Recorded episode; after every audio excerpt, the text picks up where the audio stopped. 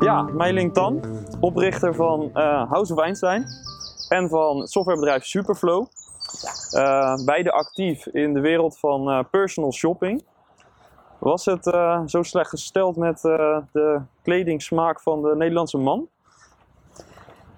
Um, nee, het was heel erg slecht gesteld, gesteld met de manier waarop de Nederlandse man kleding kon vinden wat wij wel heel erg zagen is dat heel veel mannen gewoon geen zin hebben om dan wel naar de winkel te gaan. Dan wel uh, online te gaan shoppen en door een webshop te gaan sourcen. Dus voor ons was er meer iets mis met het proces daarvoor dan uh, het resultaat. Oké. En uh, hoe hebben jullie dat opgelost met House of Einstein? Um, nou, eigenlijk door te zeggen van, uh, nou, je hebt personal shoppers, mensen die juist heel goed weten wat bij je staat en die heel goed die selectie kunnen maken. En dat is natuurlijk ook een soort van tacit knowledge of gut feeling die die personal shoppers hebben. En hoe kunnen we dat nou op schaal aanbieden aan die mannen? En dat doen we door eerst een gesprek aan te gaan met die mannen via uh, telefonisch of via Skype of Zoom. En op basis daarvan stelt de personal shopper eigenlijk uh, twee of drie outfits samen.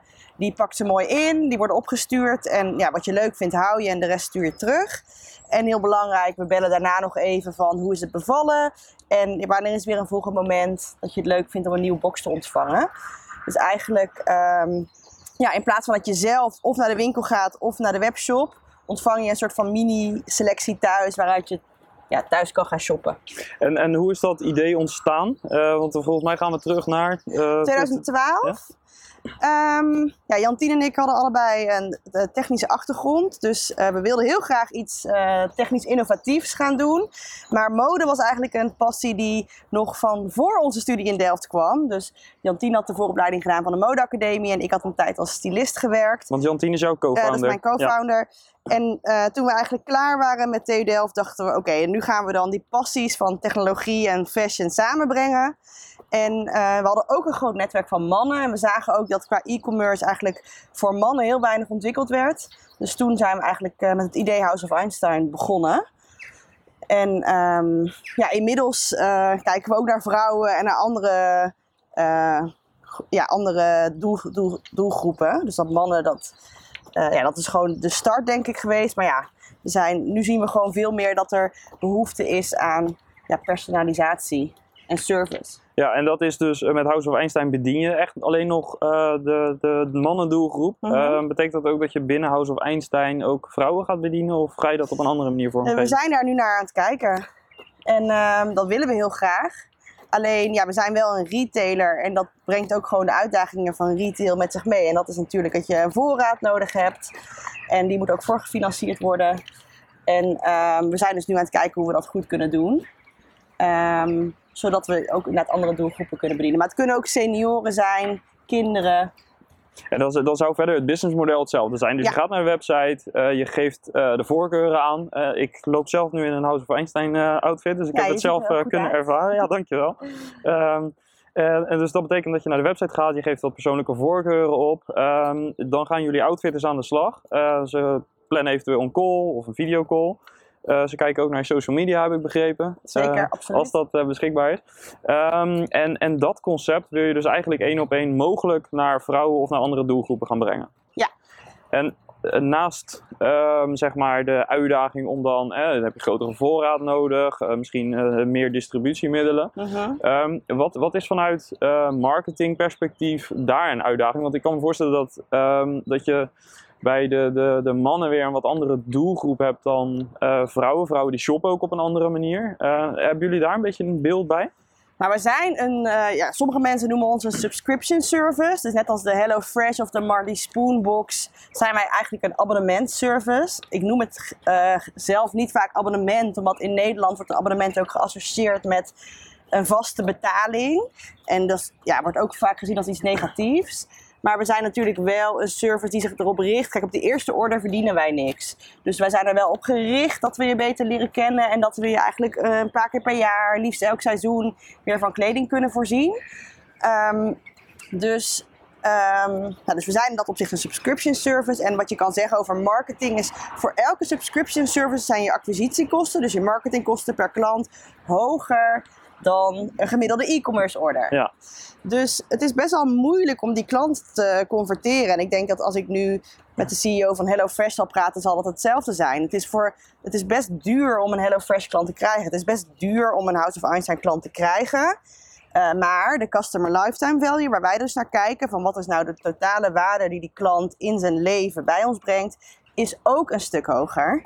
En dat ligt er natuurlijk in het persoonlijke en ook in um, ja, die recurring, dus het, het, blijven opvolgen van die klant. Dat is dan een soort van het onderdeel van subscription wat ik er wel uitpak. Van, je neemt niet één keer een HelloFresh box af, maar je blijft daar min of meer klant. Je kan het wel een keer stop zeggen. Je kan een keertje op vakantie gaan. Maar in principe is het idee je blijft klant. Dus die customer lifetime value is ook echt veel hoger. En daarom kun je ook wel wat meer acquisitiekosten betalen. Ja, dus het is eigenlijk... dat zal voor vrouwen hetzelfde. Het zal wel iets lager zijn, maar het, het, het, basisidee dat je bij een subscription service hoge acquisitiekosten hebt, dat wordt ook al beaamd in heel veel uh, literatuur. Ja, en het gaat er dus om dat je ze na die eerste order, dat je uh, zoveel mogelijk uh, manieren weet te vinden om ze weer terug te laten komen. En ook dat, uh, dat een match, hè, dus de, de kleding die je opstuurt, dat, dat die zo goed mogelijk is in de eerste plaats. Mm -hmm. maar en dat, dat sales ook heel belangrijk is. En, en, en ja, als je kijkt naar SaaS, dat is natuurlijk ook een abonnementservice op software. Dat is dan meer jouw achtergrond. En ja, met ons tweede bedrijf zijn we ook een SaaS-bedrijf. Maar ik denk dat de hele economie wat dat betreft in een transitie zit. Ik bedoel, het is natuurlijk end of ownership. Uh, de nieuwe generatie hoeft niet meer per se een fiets te hebben, maar die wil gewoon kunnen fietsen. En dus eigenlijk denk ik dat um, bij software ook. Je wil niet in één keer een pakket van 50.000 euro, maar je wil voor 300 euro per maand toegang tot die software. Dus ik denk dat dat, dat economische model gewoon overal zichtbaar is. En dat passen wij nu ook eigenlijk toe op kleding. Ja, daar hebben jullie met House of Einstein op ingespeeld. Uh, nou, je noemde de naam zelf al, Superflow. Mhm. Uh, dat, is, uh, dat is dus een SaaS-product, dus een software as a service product. wat doet dat precies? Eigenlijk de methodiek die wij hebben ontwikkeld voor House of Einstein, die is natuurlijk gegoten in technologie, waar we al acht jaar lang aan bouwen. En dat, dat is uh, enerzijds de, ja, we noemen dat customer onboarding, de aanmelding van de klant. Hoe zorg je nou dat dat fun wordt, dat dat interactief is, maar ook stiekem dat je al wat data krijgt van die consument, waardoor je ofwel bij de juiste expert kan aanmelden, of alvast kan beginnen met een eerste segmentatie, waardoor je marketing aan de achterkant ook alweer veel persoonlijker wordt. Dus dan gaat het om, om, om voorkeuren qua kleur, qua merken, qua kleding, maar ook misschien lifestyle en, en budget, dat soort dingen. Ja, alles wat, wat jij relevant acht om jouw klant goed te kunnen segmenteren, of het nou stijl is of uh, inderdaad hoe jouw leven eruit ziet. Dat kun je vragen in die quiz, maar het moet vooral ook fun zijn, want wij zien ook subscription services die een vragenlijst van 100 vragen gaan stellen, ja, dan, dan zie je gewoon dat mensen gaan afhaken. Dan heb je, krijg je te veel drop-off. Ja, ja, Dus, het is, dus is een hele goede balans tussen genoeg data om een goede service te kunnen bieden, maar ook leuk genoeg dat de consument het wil invullen. Uh, en dat is een soort van 10% van, van onze software. Maar de 90% daarachter is natuurlijk het dashboard van die personal shopper. Want um, hoe kan zij ervoor zorgen dat zij 1500 klanten goed kan bedienen en um, honderden orders per maand goed kan versturen. En dat zit hem natuurlijk in de logica van ik zie al die klantenprofielen, ik zie precies wie het zijn, ik kan binnen een paar seconden zien uh, wat zijn of haar stijl is. Wat hij vorige keer heeft teruggestuurd, dus wat hij misschien heeft niet gehouden, wat zijn feedback was. Uh, wat misschien zijn merken zijn die hij mooi vindt, wat formaten die heeft.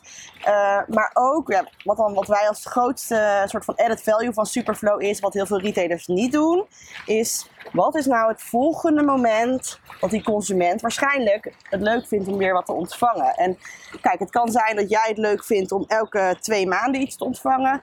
Maar je vader vindt het misschien veel relaxter om één keer per jaar of twee keer per jaar iets te ontvangen. Dus het is heel een soort van individuele voorkeur wat jouw moment of need is, die frequentie. En die zit ook in ons systeem. En daarmee creëer je dus een continue uh, interactie met die consument op het moment dat die consument zelf heeft aangegeven dat hij weer een product wilt. Ja. En dit is een soort van nieuw voor retail. Ja, want, want als we het daarover hebben met House of Einstein, jullie hebben deze technologie ontwikkeld en op een gegeven moment dus gezegd, uh, deze technologie die uh, kunnen niet alleen wij gebruiken, maar dit is ook bruikbaar voor retailers. Ja. Dus stel, ik ben retailer Ehm, ik heb een aantal retail stores, uh, wat kledingzaken uh, in Nederland. Ehm, ik heb de afgelopen jaren wat geïnnoveerd, bijvoorbeeld door mijn product ook online aan te bieden. Dus ik heb er een webshop bij geopend. Hoeft niet, maar... dat zou kunnen. is dit dan de volgende stap? Ja, en, maar uh, ja, dus wij zien, um, nu is Omnichannel, je hebt fysieke winkels, je hebt webshop. En wij zien dus nu een derde nieuwe kanaal en dat is dus personal shopping.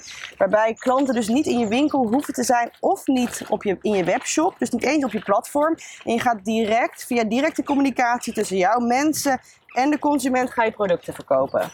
Dus jij hoeft niet op die webshop aanwezig te zijn als consument, maar je krijgt gewoon een berichtje van je personal shopper hey Johan, je hebt die polo nu uh, twee maanden geleden gekocht in het roze. En we hebben hem nu in het groen, nieuwe kleur. Vind je het leuk? Dus je gaat helemaal van je platformen af en je gaat direct met de consument verkopen.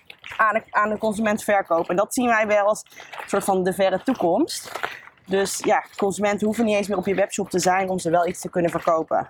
Hoe reageren die retailers hierop? Of die, de, de, de, de kledingaanbieders? Uh, nou, jij zegt kleding, maar met Superflow richten we ons inmiddels ook op hele andere productgroepen. Dus we hebben nu uh, keukens, uh, brillen, um, home and living, dus meubels, um, cosmetica.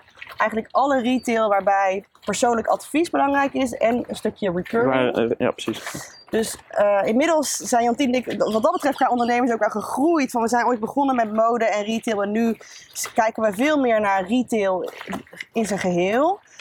Um, maar hoe erop wordt gereageerd is dat we, het is een disruptief businessmodel. En dat maakt het dus wel heel complex om het te verkopen. Want ze moeten ook echt iets anders gaan doen. Het is een beetje hetzelfde als dat iemand uh, misschien 15 jaar geleden gewoon een, fysieke winkel of fysieke winkels had. Een hele keten. En toen moesten ze een webshop gaan starten. Nou, je ziet dat daar bepaalde partijen, die hebben daar echt 10 jaar mee gewacht om dat te gaan doen. Dat kun je gewoon bijna niet geloven. Maar die, die hadden toch zoiets van: nee, we houden ons vast aan onze fysieke winkel. En dat loopt goed en dat gaat goed. En die zijn gewoon veel te laat daarop ingestapt. En um, nou, ik denk dat wij met personal shopping ook een soort van helemaal aan het begin zitten. Dus de, de klanten die we hebben zijn mega innovators die durven in een nieuw businessmodel uh, te stappen een disruptief businessmodel. Maar uh, het maakt het voor ons niet makkelijker. Want we zijn niet een toeltje wat je even in je webshop plugt en daardoor gaat je conversie uh, een tiende procent. Nee, het is niet een variatie op een bestaand iets, maar het is echt daadwerkelijk een nieuw verkoopkanaal. Wat, wat je als ondernemer ook um, wel moet begrijpen voordat je het kan adopteren. Je ja, moet en je moet er ook iets voor doen. Ja. Je moet veranderen, je moet je personeel ervoor opleiden. Daar helpen we het overigens wel allemaal mee. Um, maar ik merk dus dat, uh, en wij, wij, leggen dus ook vrij snel een business case voor. Zo van, oké, okay, maar je kan dus met personal shopping volgend jaar uh, een miljoen omzet gaan doen. En dat gaan we op deze manier ga je dat doen. Dan moet je dit aan marketing besteden. Dit heb je nodig aan mensen. Maar ja, het is niet altijd een business case waar ze naar kijken. Het is helemaal niet zo rationeel. Dus ze, ze, ze, hebben nog niet voldoende gevoel misschien bij het feit dat dit het volgende kanaal is. Ze zijn misschien net gewend aan hun webshop, aan e-commerce. En, en dat dit het volgende kanaal is, dat is ook wat Jantien en ik denken. Dat is onze visie en dat is onze wereld. Uh, maar ja, wij zitten in de, de wereld van innovatie en disruptie. Dus, dus wie zal het zeggen? Ja, en zij zitten misschien nog te veel uh, bij de daily operations met hun hoofd. Of net met de ontwikkelingen die al achter de rug zijn. Misschien ook nu met corona, dat ze daar... Uh, heeft ja, dat, heeft, maar heeft daar verbaas ik me dan over. Want ik denk van, jezus, door corona is het toch zo duidelijk... dat je en niet meer op één kanaal kan inzetten... en nou ja, wat we nu met z'n allen aan het doen zijn, wat technologie en de digitale wereld ons aan het helpen is, is gewoon bizar. Er zit zoveel waarde in. Ik bedoel, we zijn überhaupt nog aan het ondernemen. Zonder LinkedIn hadden we niet eens kunnen ondernemen.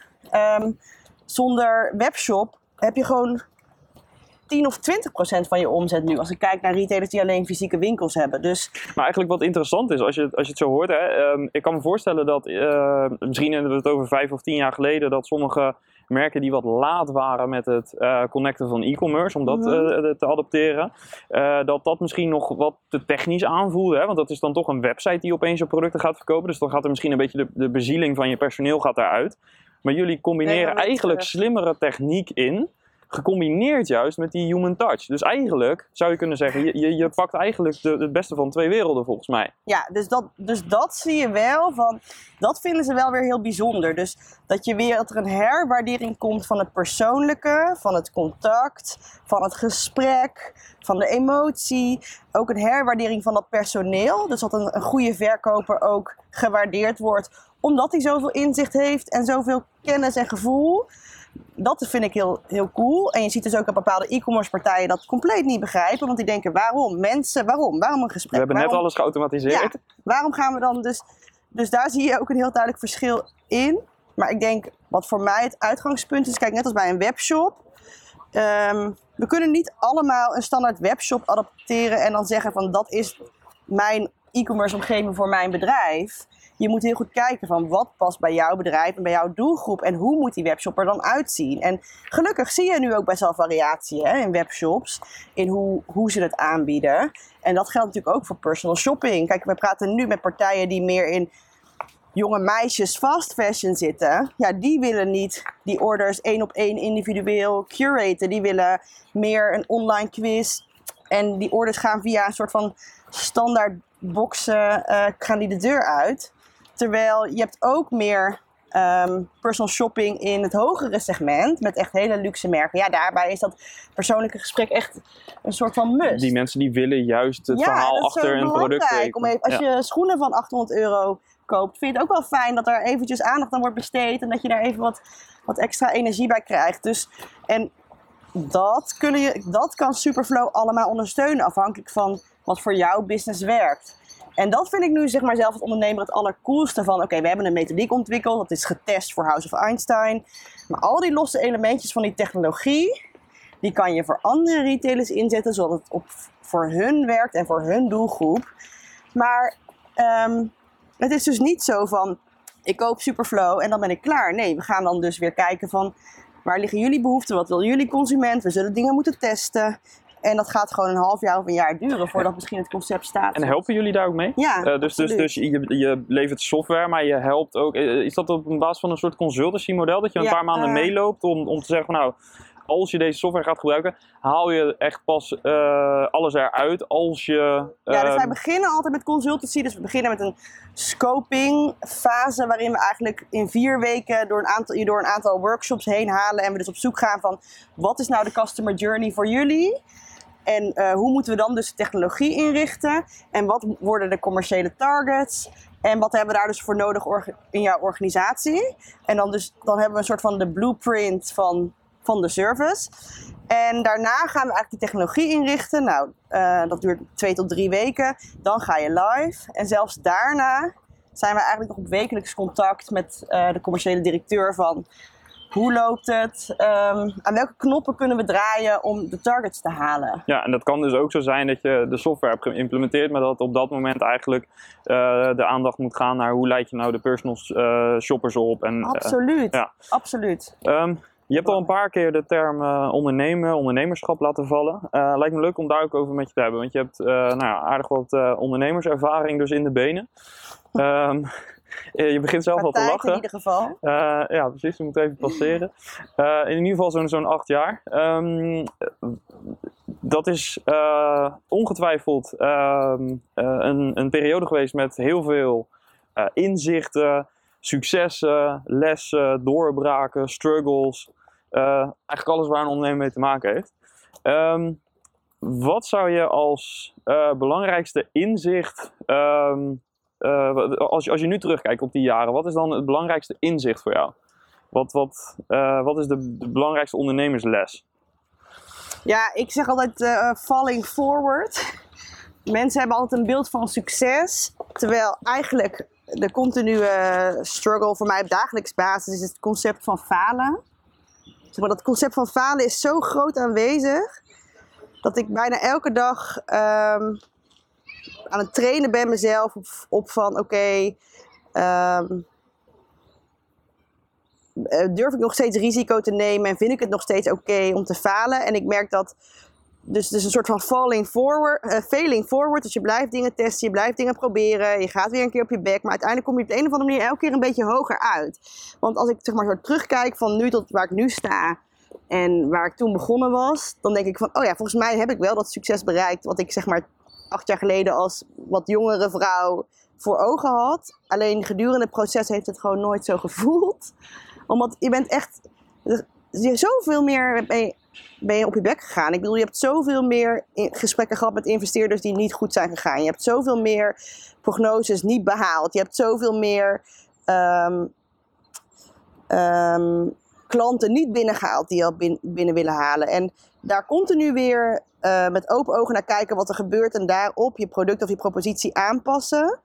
Um, dat zorgt er dus blijkbaar dus voor dat in zijn geheel je wel weer steeds hoger uitkomt. Ja, heb je die mindset altijd gehad? Dat je eigenlijk die, die, uh, die fails of struggles of, of fuck-ups misschien soms, uh, dat je die eigenlijk continu weet om te zetten in uh, weer een nieuw inzicht waar je soms misschien ook dus dankbaar voor bent. Want zo klinkt het bijna dat je denkt, nou, oké, ik omarm het. Is dat vanaf het begin af aan zo geweest? Ehm, nou, het is wel een soort van mijn manier van met dingen omgaan is om het weer continu te gaan fixen, te gaan verbeteren. En um, dat creatieve proces is ook echt heel erg leuk. Dat realiseer ik me wel steeds beter van, oh, het is ook zo leuk dat je zeg maar steeds zo'n pivot mag maken en je iedereen ook meekrijgt. En er is niemand die mij tegenhoudt. Er is geen manager, geen, ik hoef niks te overleggen. En uh, als wij morgen bepalen dat we het zo willen gaan doen, dan gaan we dat bouwen en dan, dan gaat het ook zo. En ja, dat is denk ik wel een vrijheid die ik heel erg omarm, die ik heel fijn vind. Maar de keerzijde ervan is dat het dus ook best wel zwaar is. Want um, je moet het ook echt allemaal zelf doen. Je moet die energie continu uit jezelf halen, die motivatie. Zit ik nog wel op het goede pad? Kijk, kiezen voor ondernemen is sowieso risicovol.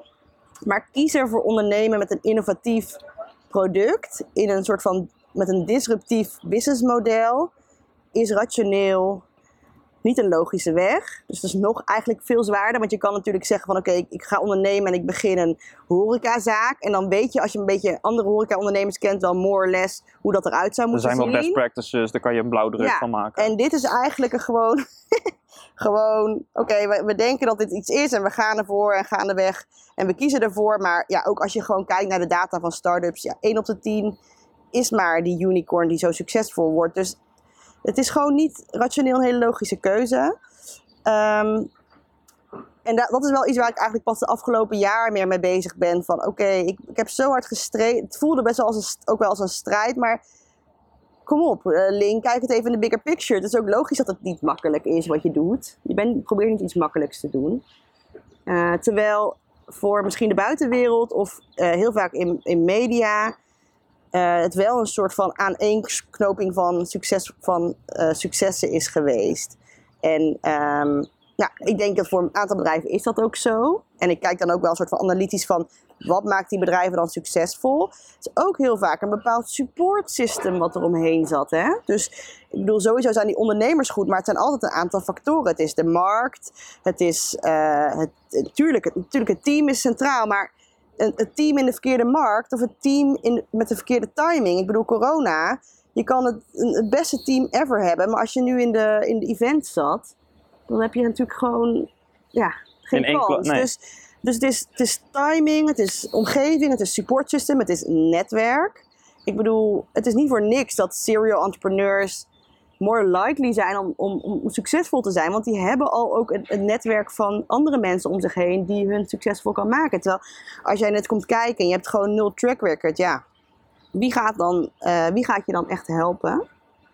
En um, zo probeer ik voor mezelf de laatste tijd wel iets meer de bigger picture te zien. Terwijl in het begin um, ja, ik zo erg op, op, op, op mezelf en op het bedrijf gericht was. En ook ja, laatst zei iemand van ik werk 3,5 per week in mijn bedrijf, 3,5 dag per week in mijn bedrijf en anderhalf per, dag per week aan mijn bedrijf.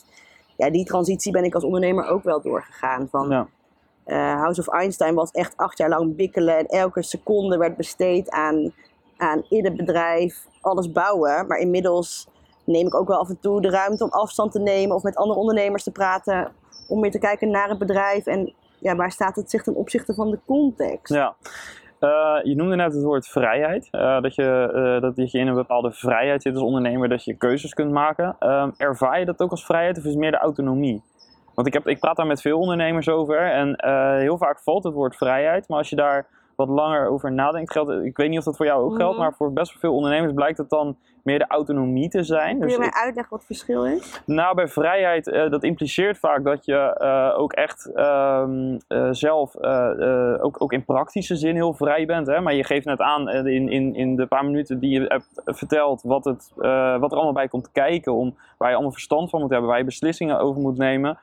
wordt dat voor heel veel ondernemers ook best wel als beknellend ervaren. Dat je mm. zoveel moet weten, dat je dag en nacht ermee bezig bent, dat je veel dingen toch ook alleen moet doen.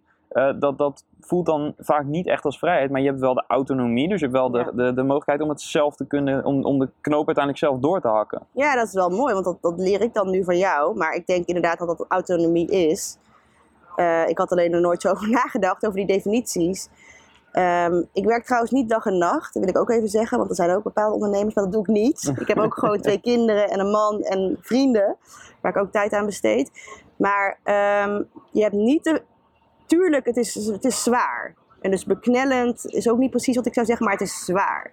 Het is echt fucking zwaar. En um, ook toen corona insloeg, toen zag ik wel van. Oh ja, al mijn vrienden die uh, in loondienst zijn, die gingen even allemaal een klein beetje achteruit hangen. En toen dacht ik wel even van fuck, dat wil ik ook wil ook eventjes een beetje achteruit hangen. Maar mijn coach zegt inmiddels ook van Ling, maar je kan ook wel eens gewoon, ook als ondernemer kun je ook wel eens eventjes. En kijk dan eens even wat er gebeurt. En Misschien moet het juist wel. Ja, en soms als je dat doet, gebeurt er ook opeens iets dat je denkt van, oh ja, um, het is niet allemaal, het hangt niet allemaal op mijn schouders. En je ziet dat dingen doorlopen en juist de dingen die niet doorlopen, dat is misschien wel de belangrijkste openbaring. Dan weet je waar je aan moet werken. Ja, of er komt opeens een soort van kans op je pad waarvan je denkt van waar komt deze persoon of waar komt deze engel nou opeens vandaan die op mijn schouder komt zitten. Dus dat gebeurt wel. Maar ja, je bent wel een shower. Je bent wel een. Um, het is voor mij elk, het is, het is voor mij elke dag kijken van oké, wat is nu het allerbelangrijkste? Ik ben dus ook heel slecht in de opvolging van, mijn, van mijn mail. Heel Doe goed. best wel bewust, omdat ik denk van als ik dat ga doen, dan ben ik dus niet meer in, in, in de leiding over wat nu belangrijk is. Het zijn ook niet jouw prioriteiten Nee. nee. Als we nog even helemaal teruggaan naar het begin. Uh, hoe is uiteindelijk de technologie achter House of Einstein en Superflow eigenlijk ontstaan? En uh, we zijn eh, gevraagd om weer te gaan lopen. Oh, oké. um, ja, waar Jantien en ik uh, wel heel goed in zijn, is duidelijk aanbrengen van processen en systemen. En eigenlijk zijn wij gewoon heel simpel begonnen met uh, bestaande tooling die er eigenlijk soort van gratis verkrijgbaar is. Dus Excel sheets. Eigenlijk was het begin van onze software gewoon heel veel aan elkaar geknoopte Excel sheets. En dan kom je op een gegeven moment op het punt dat de stabiliteit gewoon te risicovol wordt. Dus als ergens een stagiair een verkeerde cel invult dan crasht alles of het doet het niet meer. Dus uiteindelijk kom je op een punt dat je denkt van oké, Excel aan de voorkant waren het heel veel soort van uh, tooling die je gewoon kan kopen. Dat vind ik ook mooi, want er is zoveel technologie op de markt. Je kan heel veel tools aan elkaar knopen. Dus aan de voorkant was het bepaalde tooling en aan de achterkant was het heel veel Excel. En uiteindelijk uh, merk je ook dat je die verbindingen van de voorkant niet meer met de achterkant kan maken. En inmiddels hadden we ook wel wat tractie. Uh, na een paar jaar hadden we ook onze eerste funding binnen. En dat was voor ons wel echt het moment dat we zeiden: oké, en nu hebben we deze hele soort van uh, weerwar van systeempjes. De spaghetti hebben we Spaghetti staan. aan elkaar geknoopt. En bepaalde dingen moeten nog even handmatig worden overgezet. En nu gaan we dit gewoon in één keer omzetten in een goed systeem. En toen kwam Silvan in beeld. Toen kwam Silvan erbij. Sil ja, Silvan uh, van TMM eh, Ventures. Ehm, hoe zijn jullie met elkaar in contact gekomen? Silvan en ik kennen elkaar al super lang. Echt al vanaf de TU Delft. Dus die link die is er al. En op het TU Delft hebben we ook nog gewerkt voor Yes Delft. Wat eigenlijk de innovatie of de tech incubator was. Dus um, ja, heel veel vertrouwen al in ieder geval. Ja, dus, dus je kwam op een gegeven moment op het punt van... oké, we hebben nu een tech-stack staan, maar die is uh, een beetje aan elkaar geknoopt... als ik het uh, oneerbiedig mag zeggen. Absoluut. Uh, het werkt, maar het moet beter, want we kunnen niet schalen met ja. deze stack. toen kwam Silvan erbij. Silvan, kan je iets vertellen over dat proces? hoe heb je dat vanaf dat punt aangepakt? Ja, dus ik kende Ling al, een ja, al lange tijd, ook vanaf de incubator. En ik had net mijn eigen bedrijf verkocht. En dat hoorde Link. Dus toen zei ze, nou, weet je, kan je ons helpen? En uh, nou is dit toevallig iets wat ik al uh, ja, best wel goed ken. Dus een heel standaard verhaal is dat je eigenlijk eerst met Excel sheets gaat beginnen. En dat je daarna wil uh, ja, iets wat, wat meer schaalbaar is, waar je ook met meerdere mensen tegelijkertijd aan kan werken bijvoorbeeld. En ook niet zo snel kapot gaat. Vind je dat ook de beste methode? Om, zou dat ook je advies zijn aan andere ondernemers in de tech-industrie? Om eerst eens te kijken hoe je dat met uh, bestaande tooling kunt doen? Absoluut. Ja? ja, absoluut. Ik denk, en dat is ook nog steeds zoals dat nu bij. Steeds moet dat vast heel van hoor. Als het is op een andere manier goedkoper, dan moeten we dat eerst gaan doen. Ja, want je hebt, uh, dan heb je veel meer flexibiliteit. Dus je kan ook alle lessen die je leert, je past het meteen toe, meteen in de praktijk toepassen. En dan krijg je gewoon dingen, ja, dit loopt niet lekker, dat loopt niet lekker. En dan kan je het heel snel aanpassen.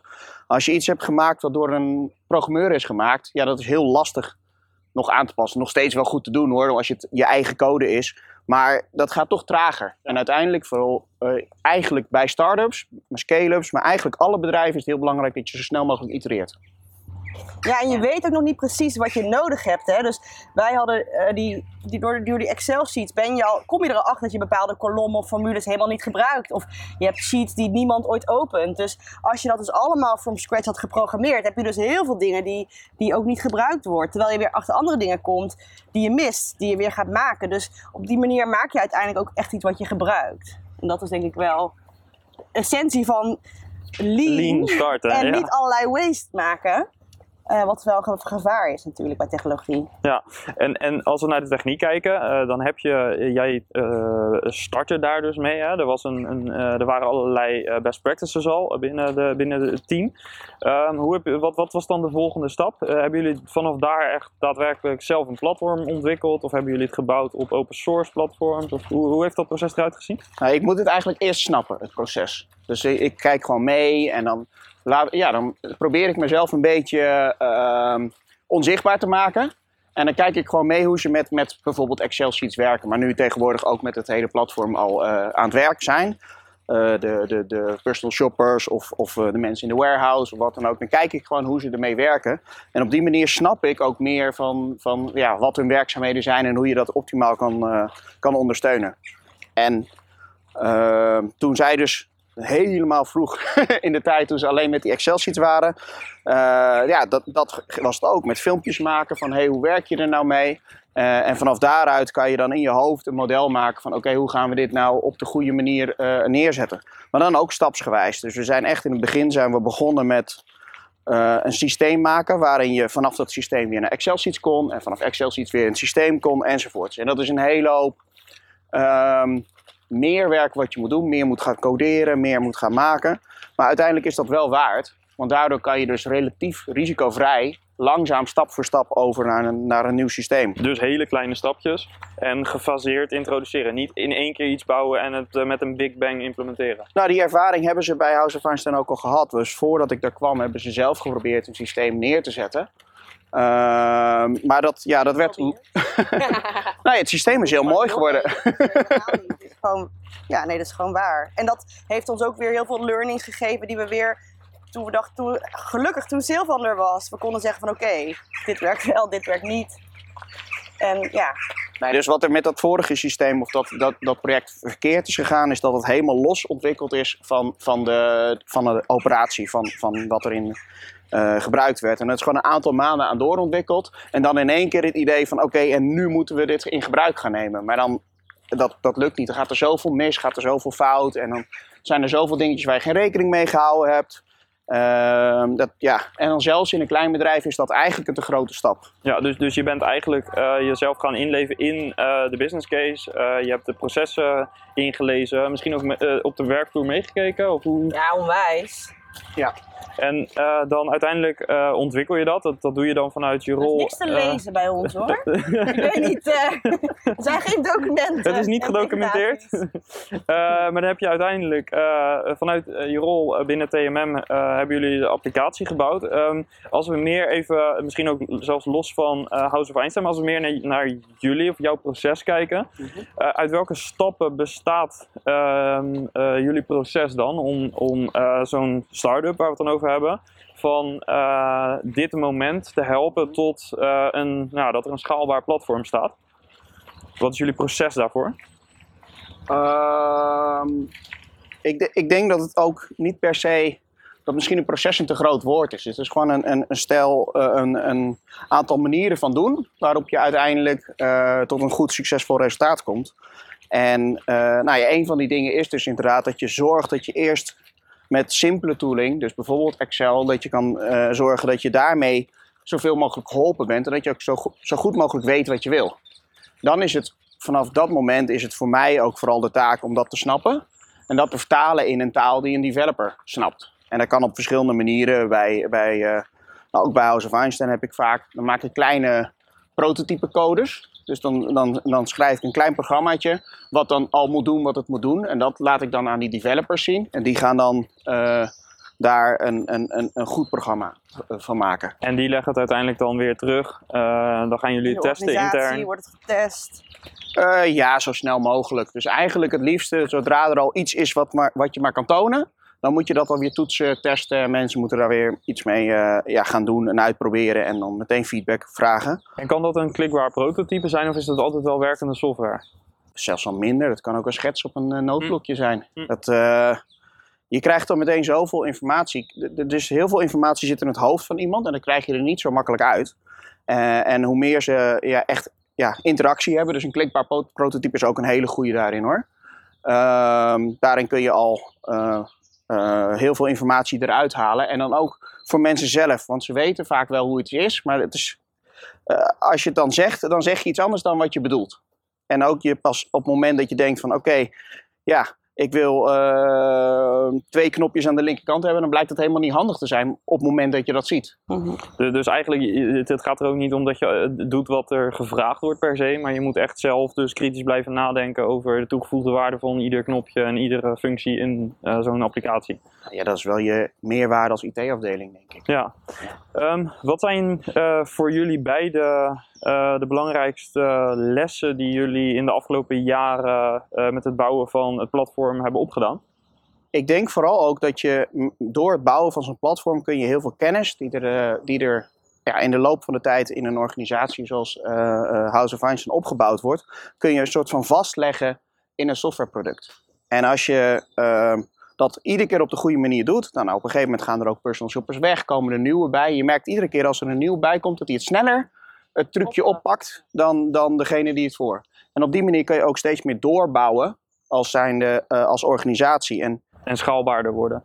Ja, maar het is echt datgene waar je steeds beter in wordt. Dat dat echt een soort van waarde soort van ja, borging, of hoe noem je dat? Dat zie je terug in die software. Ja, en, je, jij gaf net aan, uh, lezen doe je bij ons niet zoveel, want er is niet zo heel veel gedocumenteerd. Maar indirect zit er in het systeem, uh, zit natuurlijk wel je proces. Die zijn wel gedocumenteerd. Dus in die zin zit de waarde, of een deel van de waarde van jullie organisatie zit hem ook in juist die software waarin alle processen Absoluut. zitten. Dus, maar ik denk wat ik het meest heb geleerd over softwareontwikkeling is de waarde, is de slimheid van de mensen die erachter zitten en de keuzes die daarin zijn gemaakt. En dat is gewoon iets wat heel veel mensen ja, niet helemaal begrijpen. Die zien technologie toch als iets wat werkt of wat niet werkt. En dat heeft daardoor een waarde, maar dat is het natuurlijk niet. Het is bepaalde processen die je middels software dus hebt geautomatiseerd. En je kunt daar zoveel keuzes in, in maken. Dus het is een hele menselijke factor. Technologie is gewoon supermenselijk. Want, het, want, want wat uiteindelijk ons team denkt dat goed is. En wat Silvan, die daar nog kritisch bij komt. En uiteindelijk uitschrijft voor die developers. Dat is die software en dat is die waarde. En wat ik heel cool vind, is nu met Superflow te zien. Dat die waarde van die gedachten dus voor ook nog andere productgroepen en andere retailers inzetbaar is. Terwijl je tegelijkertijd ook ziet van, oké, maar als je een SaaS-product wordt, dan moet het allemaal nog veel simpeler. Want um, ja, wij zijn uh, met House of Einstein, als die product gebruiken, die zitten er heel erg in. Terwijl dit zijn mensen die er nog niet in zitten, die moeten het ook kunnen gebruiken. Dus je ziet ook wel daarin weer een nieuwe uitdaging voor onze softwareontwikkeling. Om juist eigenlijk bijna weer uh, het simpeler te maken. Dus misschien specifiek, echt, echt House of Einstein specifieke dingen, die zouden eigenlijk idealiter uit moeten halen om ervoor te zorgen dat een andere organisatie het heel makkelijk nou, kan gebruiken? Hem, nee, want ik denk, maar ja. mensen hebben niet door hoeveel erin zit. En um, het is misschien, um, je moet er niet dingen uithalen, maar het is wel in de presentatie en gewoon in UX en uh, moet je het wel, kan je het denk ik wel nog een stuk simpeler krijgen en is het voor SaaS wel heel belangrijk. Ja, en daarin is dat is wel een heel leuk spanningsveld. Want je wil eigenlijk, als je heel veel klanten wil bedienen, wil je het heel configurabel maken. Dus dat je zegt van oké, ik, ik stel het op die manier in of ik stel het op die manier in. Maar dat werkt uiteindelijk helemaal niet zo goed. Je hebt best wel software met een soort van mening nodig. Alsof de software zelf een mening heeft van zo is de beste manier om het te doen. En dan heeft de software de meeste waarde. Ja, maar dat is denk ik ook een soort van learning. Dat je dus eigenlijk een soort leadership in je software en in je keuzes, dat je dat eigenlijk ook verkoopt. Ehm, en, waar ik heel achter ben gekomen is dat dus die technologische kennis in organisaties waarvan ik dacht dat die er zeker wel was, eigenlijk nog minder is dan je had gedacht. Dus dat inderdaad dat configurabel maken is helemaal niet handig, want er zijn helemaal niet zoveel mensen in die organisatie die weten hoe je het moet configureren. Dus de kennis van technologie is voor mij uh, in de maatschappij minder dan ik dacht. Maar ja, misschien komt dat ook omdat wij uit de Delftse bubbel komen en dachten hm. dat iedereen wel uh, op die manier nadacht. En ja, dat is. Uh, nee, dat, dat zie je bij SASET heel erg. Dat, je, dat is misschien dat, wat Link bedoelt met simpeler maken, is precies dat. Van dat, dat je als niet-techneut heel makkelijk met software moet kunnen werken. En uh, dat je ook als niet-Delftenaar, zeg maar, uh, gewoon in één keer snapt: oh, dit bedoelt de software, dit moet ik ermee doen. Dat dus je gewoon. In principe software zonder handleiding, zeg maar. Het moet logisch binnen je proces passen. Ja, dus wat Ling net ook zei: van hey, we hebben niks opgeschreven in de organisatie. Dat is niet een, een zwakte, dat is eigenlijk een kracht omdat het systeem het faciliteert. ja. En um, je verkoopt dat dan als uh, SaaS-product. En eigenlijk betekent dat dus dat je ook in sales, het wordt al deels, of het wordt eigenlijk strategische sales, omdat het eigenlijk al een nieuw iets. Je vervangt meestal geen product, maar het is echt een nieuw onderdeel binnen een bedrijf wat je implementeert als je Superflow gaat gebruiken.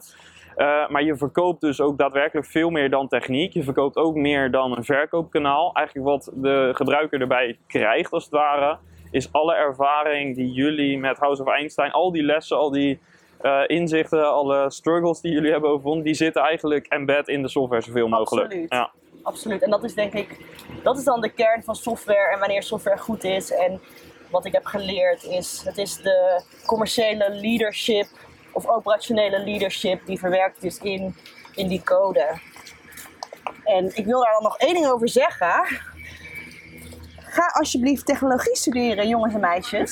Want uh, daar is gewoon nog echt zoveel behoefte aan. En heel veel mensen zien technologie als iets heel abstracts en als iets saais. Maar wat ik zeg, het zijn gewoon de menselijke keuzes vertaald in code. En dat vinden vrouwen ook superleuk. En vrouwen kunnen heel goed gestructureerd nadenken. En um, we zien natuurlijk nog steeds daar een soort van uh, gap. En die moeten we gewoon snel gaan, gaan dichten. Want we moeten gewoon vanuit een heel divers beeld. En ook met divers in de breedste zin van het woord. Dus uh, gender, maar, maar alles. We moeten gewoon meer verschillende mensen in de technologie krijgen. En niet um, een bepaald type wat nu veel in de technologie sector is. Om gewoon mooiere producten te krijgen.